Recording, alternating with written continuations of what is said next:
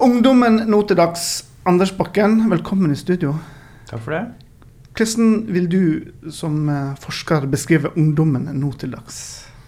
Hvis jeg skulle bruke noen få år, så vil jeg kanskje si at vi har en fantastisk ungdom på mange måter. Det er jo en ungdomsgenerasjon som eh, stort sett har det veldig bra. De eh, trives på skolen, de har gode relasjoner til foreldrene sine. De aller fleste har venner. Veldig mange lever aktive liv. Mange er opptatt av trening og sunnhet. Så på mange måter så har vi en, eh, til en viss grad en slags perfekt ungdom eh, på mange måter. Viten og snakkis. snakkis. Pod -pod Podkast fra Joa. Viten og snakkis. Ah, det var godt å høre. Det var beroligende. Det var det. Spesielt jeg som har en gutt på 13 som nå skal inn i dette her eh, ungdomskulturen. Ja. Altså Til deg som hører på, velkommen til en ny, helt fersk episode av Vitne og snakkis. Eh, Stig på min venstre side God dag. har hatt en fin sommer. Strålende. Det er bra. For Vi begynner altså da høsten med en helt ny, fersk rapport da fra Anders Bakken og co., som er da Ungdata 2018. Du kommer rett fra Arendal, der du har presentert den på Arendalsuka. Ja, Vi lanserte rapporten på mandag, bare for fire dager siden, så Ja. den er ganske fersk. Så bra. Ja. Skal vi, se, altså, det var en veldig hyggelig og positiv eh, inngang her. Men er, Men eh, jeg ser på rapporten ligger her, og den er på flere sider. Så det, høres ut som du har funnet ut litt mer enn uh, vi har hørt rykter om noen litt urovekkende signaler. Ja, og det, det er vi også. Så det er jo alltid en sånn uh, men i dette her, ikke sant? Selv om ting eh, er bra. Og det er også sånn at det, er fullt mulig for ungdom å ha det ganske bra samtidig som man sliter med en del ting. Ikke sant? Sånn har vi vel det kanskje i hverdagen, mange av oss. At man kan ha det bra på mange områder. Og så er det av og til så får man litt sånn ensomhetsfølelser, eller kanskje man blir litt deppa, eller man eh, ja, får lyst til å ruse seg eller gjøre litt eh, gærne ting, da. Og det sprø og crazy. Ja, litt sprø ting. Og, og det er det kanskje noe vi ser nå at eh, denne, det vi har kalt for skikkelighetstrenden da, blant ungdom, så den ser ut til å kanskje være snudd, eller i hvert fall brutt. da. Og det den skikkelighetstrenden går ut på, det er at eh, det er flere momenter, men man ser at de ungdommene som vokser opp i dag, de f.eks. bruker mindre rusmidler enn ungdom gjorde for 10 og 15 og 20 år siden. Det har også vært en ganske kraftig nedgang i ungdomskriminaliteten.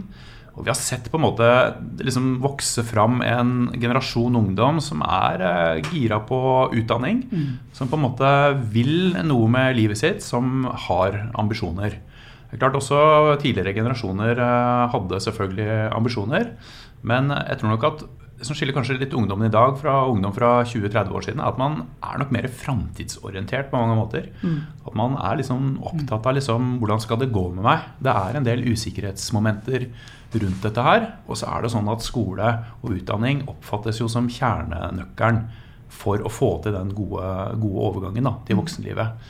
Så det er det liksom ungdom, veldig mange ungdommer er opptatt av. Og mange ungdommer bruker mye tid på å gjøre lekser, og de, de er liksom interessert i skole. Men så ser vi at eh, på noen områder, også på dette, ikke bare på kriminalitet og, og rus og sånne ting, men vi ser også at det er noen områder hvor ting begynner å snu litt. grann. For så har vi nå sett en liten tendens de siste årene til at det er litt flere ungdommer som ikke trives på skolen. Noen flere som gruer seg til å gå på skolen, flere som kjeder seg på skolen. Vi har sett nå de siste par årene en nedgang i hvor mange som bruker mye tid på lekser. Eh, om det reflekterer liksom en endring i uh, skikkelighetstrend eller ikke, det kan sikkert diskuteres litt. fordi jeg tror nok at det også har vært slik at en del skoler har vært litt sånn opptatt av at, eh, og har fått med seg at vi har med en sånn ganske stressa ungdomsgenerasjon på mange måter å gjøre også. Så det kan godt være at eh, rett og slett skolene og lærerne har eh, endret litt eh, måter de eh, gir lekser på. Da, eller kanskje de liksom gir litt mindre lekser. Og at det reflekterer seg i tallene. Men vi ser f.eks. at eh, det er flere ungdommer på ungdomstrinnet som skulker skolen enn for noen få år siden. På videregående så finner vi veldig jevne tall, og grunnen til at det ikke øker der, kan ha jo ha sammenheng med at det er blitt innført en ganske sånn streng fraværsgrense på videregående. At man derfor ikke man ser det på, på, på videregående på samme måte. da. Men det vi ser på videregående, er at det er flere ungdommer som uh, bruker alkohol. Sammenlignet med noen få år tilbake. Det er flere ungdommer som bruker cannabis. Det er flere som nasker i butikken og, og gjør hærverk. Og det er særlig blant gutter at vi ser på en måte denne endringen skjer. Er noe i ferd med å skje. Det, det er det vi, vi har en liten mistanke om. Vi så det litt grann i fjorårets uh, rapport. Det var første gang vi på en måte egentlig så at noen av de hva skal jeg si, for noen positive kurvene for første gang begynte å flate ut. Men vi, for et år siden så var vi litt forsiktige med å, liksom, å flagge det for høyt. For det er noe med liksom, det kan være et eller annet med noen metodiske ting eller litt sånn tilfeldig akkurat det året. Men når vi ser det to år på rad, og vi ser at også ting begynner å snu, altså trender som gikk oppover før, begynner å gå ned, eller trender som gikk nedover før, begynner å gå oppover, da er vi nok litt mer liksom, sikre på at uh, her er det kanskje et eller annet i emning. da. Det er naturlig òg at en sånn typisk positiv utvikling vil flate ut etter hvert. Eh, Ja, det er klart det er enkelte områder, sånn som f.eks. røyking. som er liksom Nå Ja. på ungdomstrinnet så er det nesten ingen som Nei. røyker. Noen må røyke. Da, da er det vanskelig at det går eh, videre nedover, rett og slett. Um, og ja, jeg tror nok at um, dette med uh, For jeg tror at det, dette liksom reflekterer noen litt sånn grunnleggende grunnleggende ungdomskulturelle endringer da, som vi er å, i ferd med å se. Og jeg tror at det er liksom, um, Ungdomskulturene de vil, uh, de vil alltid forandre seg. De vil alltid liksom tilpasse seg liksom den tida de er i. Og det er ofte utrolig vanskelig og veldig frustrerende for oss som ungdomsforskere. Det er jo liksom å forutse eller forklare hvorfor sånne ungdomskulturelle endringer skjer. da. Det kommer liksom plutselig, eller sånn uh, ulmende. Altså. Jeg tror det er bedre det siste, ja, at det er mer ulmende. For det er klart at dette her, selv om jeg liksom påpeker nå at det er noen utviklingstrekk, så må du huske det jeg startet med. At de fleste har det veldig bra. De fleste gjør en stor innsats, og de fleste har det godt med foreldrene sine. og og er på en måte veldig orientert mot, uh, mot Har å ha en, på en, måte en positiv utvikling. Da. Men, uh, men det er liksom en, en, en liten gruppe som sliter litt, og som har noen risikokjennetegn. Den gruppa er liksom blitt litt grann større. Ja, ja. Men vi har jo mye snakk om generasjon prestasjon. Tror du den betegnelsen vil stå seg hvis vi ser tilbake om 20 år, eller er det denne generasjonen her som plutselig forandrer seg litt? Grann? Altså, jeg, jeg, er ikke så veldig glad i sånne generasjonsbeskrivelser. Da. Det, det er det første jeg må si. Og det er jo fordi at uh, ofte så for en generasjonsbeskrivelse kan lett bli for, uh, for um, generaliserende. Og dette med generasjon prestasjon f.eks., så er det, jo, det er helt åpenbart, som jeg starta litt innledningsvis med også, at uh, vi ser nok en ungdomsgenerasjon som vil mye mer på vegne av egen framtid enn tidligere. Og det, jeg tror det er det som ligger litt i denne generasjonen prestasjon, samtidig som de opplever eller i hvert fall mange mener da, at man opplever press på veldig mange ulike områder samtidig. Altså Det holder ikke bare med liksom å se bra ut liksom i gata lenger, men du skal også gjøre det godt på skolen, og du skal liksom få likes på sosiale medier, og du skal gjerne også være, ha en sunn kropp og være god i idrett og sånne ting. Men det vi har gjort da i, i undersøkelsen nå, som vi, som vi, la inn i undersøkelsen fra 2017, og som vi rapporterer om uh, i år, det er jo hvor mange ungdommer er det som faktisk opplever dette presset. Altså, Er det sånn at vi har med en hel generasjon å gjøre som opplever veldig mye press? Det som er liksom veldig tydelig for meg i disse tallene her, er at det er så utrolig stor orasjon mellom ungdom. Mm. Og det er det som ligger litt i at jeg er litt sånn negativ til det generasjonsbegrepet. da, ikke sant? Man snakka liksom om liksom opprørsgenerasjonen på 60-tallet og sånt nå. Ja, la oss si det var 10 eller 15 eller 20 da, som var skikkelig opprørske, men de fleste var De lagde mye lyd. lite. ikke sant? De blir, blir synlige, da. Og sånn er det nok litt her også. Altså, at det er en, en, del av ungdommene som opplever veldig mye press. Og det er klart at de får mye oppmerksomhet. Men det er veldig mange ungdommer som ikke opplever press. Og det er sånn også Vi har spurt om ungdom opplever så mye press at de har problemer med å takle presset. For en ting er jo at man kan oppleve masse press. Hvis man takler det, så er det jo egentlig veldig positivt. Mm. Og det er sånn at de fleste ungdommer de har lite problemer, egentlig. Men, men kan det skyldes sånn økt sånn, uh, selvbevisst eller oppmerksomhet rundt press òg? At de i større grad er blitt oppmerksom på på egne sånne stressmomenter, eller hva tenker du? Det er, det er kjørerapportering, det? Jo, det er, det er selvrapportering. Ja. Og, og, nå har ikke vi noe data som kan si noe om endringer på, på press uh, og stress, men vi har noen data som kan si noe om kanskje mer sånne stressrelaterte symptomer. da. Og det, er, det måler vi gjennom det vi kaller for psykiske helseplager. Ja. Og det er øker, sant? Ja. Ja. Hva sa du? Det er òg økende, psykiske helseplager. Og de øker. altså de Rapporteringen der øker. Og det handler om at det er flere som rapporterer om at de har at de føler at alt er et slit, at liksom ting er litt sånn overveldende. De kan være lei seg, de kan føle håpløshet med tanke på framtida, som vi var litt inne om i stad også. Men også slite med søvnproblemer og sånne ting. da. Og disse tingene ser vi øker spesielt blant jenter i rapporteringen. Og om det liksom skyldes eh, en høyere sånn selvbevissthet eh, rundt dette, eller om det skyldes at ungdom eh, har faktisk liksom økende problemer, det er, det er veldig vanskelig å vite. Men La oss ta veldig kjapt det når du er inne på selve Ungdata 2018. Si kort om den undersøkelsen her. Alder og hvem er det dere spør osv. Ja, så Det er en skoleelevundersøkelse. Så Den går til skoleelever på ungdomsskoler og videregående skoler. Det er kommunene og fylkeskommunene som gjennomfører disse. Så De på en måte bestiller undersøkelsene, og det gjennomføres omtrent av alle kommuner og fylkeskommuner i dag. Så det er bare i løpet av de siste tre årene så har ca. 80% av alle ungdomsskoleelever vært med på undersøkelsen, og ca. halvparten av alle elever på videregående har vært med på undersøkelsen. Det er svære tall. om. Så det er, det er, det er På mange måter så er det liksom nesten en sånn populasjonsundersøkelse. Og Hvor lenge har dere holdt på med dette? her? Vi har holdt på, egentlig så har vi holdt på siden 80-tallet Uh, og gjennomført jevnlige undersøkelser. Men det er først fra 2010, og særlig fra 2012, at vi begynte å få med oss så mange kommuner at vi kan begynne å snakke om at vi har også tall på nasjonalt nivå. Da. Anders, eh, hvem er det som står bak denne Ungdata-undersøkelsen? Det er vi på Oslo OsloMet som har et eh, nasjonalt ansvar for undersøkelsen. Og så samarbeider vi med sju regionale kompetansesentre innen rusfeltet, det som heter KORUS. Nettopp. Men, hvordan kan vi bruke disse tallene? Hvordan det, kan man utvikle politikk på grunnlag av det? Er det tiltak? Eller hvordan bruker kommunene tallmaterialet de får? Eh, Altså det som jeg syns er veldig bra med Ungdata, det er som jeg nevnte, at det er kommunene og det er fylkeskommunene som bestiller disse undersøkelsene. Det er de som på en måte eh, får et eierforhold til, til resultatene. Og alle kommuner og fylkeskommuner får egne rapporter på sine, sine ungdommer. Så de har da et tallgrunnlag som de kan bruke for politikkutforming. Og det gjør de i veldig stor grad. Og det er ikke sånn at eh, disse tallene her gir liksom eksakte forklaringer på hva det er som skal gjøres.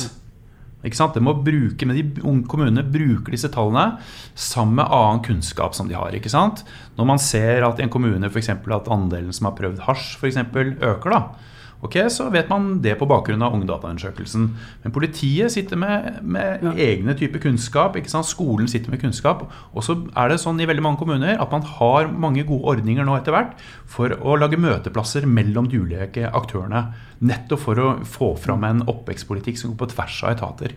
For det har vært en utfordring i mange kommuner, og er det helt sikkert mange steder fortsatt. At det som skolen jobber for seg, og helse jobber for seg, og politiet jobber for seg, og barnevernet jobber for seg.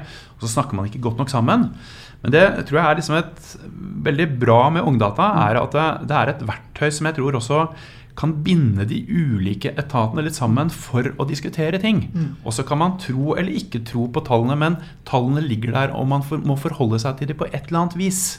Det er en sånn forskningsbasert ungdomspolitikk, der man får et bedre grunnlag for å utforme en politikk. Det må jo være bra. Ja, det er det, er det som er meningen da, Ja, ja. med undersøkelsene.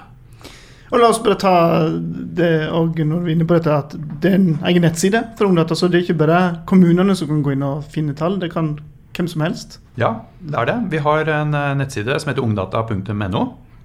Og der, Det første du vil se der når du går på nettsiden, er at du ser et kart over hele Norge. Det er bare å plotte inn. Og det er bare å plotte inn din, ditt fylke, din kommune. Og så kan du velge om du vil se på hvor mange som er fornøyd med foreldrene sine, hvor mye lekser ungdom gjør, eller hvor mange som eh, bruker alkohol. Ja. Det greit. Ta med i dag jeg. Ja, for jeg tenker litt Ta med egne unger inn og sitte og se på lokale tall og se om egne barn kjenner seg igjen, Ja. kanskje. Veldig interessant. Eh, merker jeg litt beroliget nå at det fortsatt går bra med norsk ungdom. Spesielt med tanke på mine egne barn. Men Ja. eh, vi får sjekke Oslo, da. Ja, vi må gjøre det. Men du, jeg vil litt tilbake til det du starta med om, om de velger utdanning og snakker om framtidsutsiktene. Jeg vet ikke om du sa noe om det, men hvordan er framtidsutsiktene til dagens ungdom? Ser de positivt, eller er de frykter de framtida med alt som skjer i verden? Og Altså de, det generelle bildet er at ungdom flest er positive. Altså Vi spør dem om er det sånn, hvordan tror du at framtida di kommer til å bli. Tror du f.eks. at du kommer til å få et godt og lykkelig liv? Da er det tre av fire som svarer ja på det. Ah, så bra. Og så er det noen som svarer vet ikke. Det ville vel sikkert mange gjort. ikke sant? Og man vet ikke helt. Og så er det noen veldig få som svarer nei. Men det vi har sett, det er en tendens i løpet av de siste fem-seks årene på at eh, andelen som svarer ja på dette, det går nedover. Så det er litt, sånn, litt mindre framtidsoptimisme uh, enn det var for noen få år siden. Og det området vi egentlig ser størst endringer på når det gjelder uh, framtidspessimisme, det er dette med arbeidsledighet. For der har det vært en ganske tydelig nedgang i andelen som svarer nei på spørsmålet om de noen gang tror de kommer til å bli arbeidsledige. En nedgang på ca. 10 prosentpoeng. Altså la oss si fra 40 til 30 ikke sant? Så det er en, en ganske stor nedgang. Men det henger jo litt sammen med verden i seg selv, kanskje. Altså, vi har jo kanskje fått litt mindre fremtidsoptimisme. Altså Trump og ikke, Det er mye som skjer rundt oss. Usikkerhet. Det er større usikkerhet i, i omgivelsene våre. Ja, altså, Før når jeg begynte å jobbe med ungdomsforskning, så lærte vi, så sto det i lærebøkene at uh, ungdommen er som et lakmuspapir på liksom, uh, samfunnet. Altså at det er på en måte en sånn, uh, Ungdommen er de som går først og på en måte viser litt vei. da. Det er ikke sikkert at det trenger å være sånt, men jeg tror nok at ungdom liksom værer en del av de, disse tingene her. Og selv om det ikke er så mange ungdommer som leser i hvert fall papiraviser, og sånt, så tror jeg det er veldig mange ungdommer som gjennom feeder og sånt nå får med seg liksom eh, hovedoverskrifter eh, rundt verdenssituasjonen. Så det kan godt være at det reflekterer litt av det. Jeg tror også at det kan reflektere litt rundt dette her med arbeidsledighet. At, eh, for vi så at den nedgangen i måte, optimismen knytta til eh, arbeidsledighet, den, den startet for så vidt etter at eh, oljeprisene gikk kraftig ned og arbeidsledigheten i Norge begynte å øke. Og, og den har liksom gått ned siden det. Og det som har skjedd også de siste har vært mye diskutert de siste par årene, er jo dette med robotisering av arbeidslivet. Og det er klart at Sånne ting vil jo ungdom eh, ta til seg liksom, eh, når du står i 10. klasse og skal velge. Og så har du liksom lyst til å bli kokk, f.eks. Og så vil liksom det spørsmålet være at liksom, er det noe vits i at jeg blir kokk? Vil det ikke være sånn om fem år når jeg skal ut og jobbe, at det er noen roboter som lager all maten?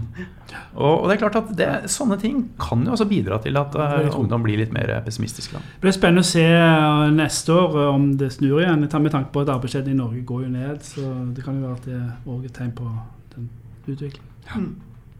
En annen ting jeg tenker på um, er, Vet du noe om hvordan ungdommer uh, gjør i fritiden sin? Altså, Er de med på i organisasjoner, politiske partier? Eller sitter de bare og spiller dataspill? Ja, Engasjerer de seg, eller er de uh, organisert i idrett og dataspill? Ja, altså, det er ganske mange ungdommer som er med i organiserte fritidsaktiviteter. Det daler jo ganske mye gjennom eh, ungdomsårene. Og det er jo idretten som organiserer desidert flest. Det som jeg tenker er positivt, det er at selv om vi nå Rapporten viser også at det er stadig flere ungdommer som bruker mye tid foran skjermen. Men vi ser ikke noen nedgang i de organiserte fritidsaktivitetene. Og det tenker jeg er positivt, fordi at hvis skjermtid liksom skal overta for at ungdom skal spille fotball eller være med i et korps eller eh, synge et kor eller noe sånt, eller engasjere seg politisk, så tenker jeg det er, det er litt uheldig. Men tvert om så ser vi faktisk en bitte liten økning i andelen som er med i organiserte fritidsaktiviteter. Så det tenker jeg er veldig positivt. De får tid til begge deler, både dataspill og idrett. Ja. Ja, Og det som, det som øker mest da når det gjelder skjermtid, det er, eh, det er knyttet til sosiale medier. Ikke nødvendigvis dataspill, men det er sosiale medier som øker. Uh, ja, Anders. Jeg vet ikke hva jeg sitter igjen med her, men det er egentlig som du begynte med, at eh, det går jo bra, dette her. Ja, det gjør det. Ja. Men grunn til å være oppmerksom på de signalene eller de som undersøkelsen bringer fram. Ja. det- ja. Og det er jo mange, det er mange signaler. Ikke bare at det er liksom endringer i et trendskifte, men det er jo også noen signaler knytta til dette med psykisk helse, Ja, ensomhet, eh, skoletrivsel og skolestress, som vi også dokumenterer, er ganske utbredt. Mm. Så det å ha oppmerksomheten på det tenker jeg er veldig viktig nå når eh, skolene straks skal gå i gang og få fylle dem med elever. Ja. Jeg har en kommende ungdomsskoleelev, det har du òg. Det har jeg òg, så jeg er jo dritnervøs. Men jeg er både ja, Jeg tror jeg er litt beroliga etter andre Ja. har fortalt altså, om ungdommen. Mm. Eh, du, Anders, eh, Anders Bakken, tusen takk for at du kom i studio. Eh, skal du rundt om i hele landet nå og fortelle om ungdommen nå til dags etter rapporten? Nei, eh, Det som, er, som vi er veldig heldige med, da, det er at eh, veldig mange medier kommer til oss.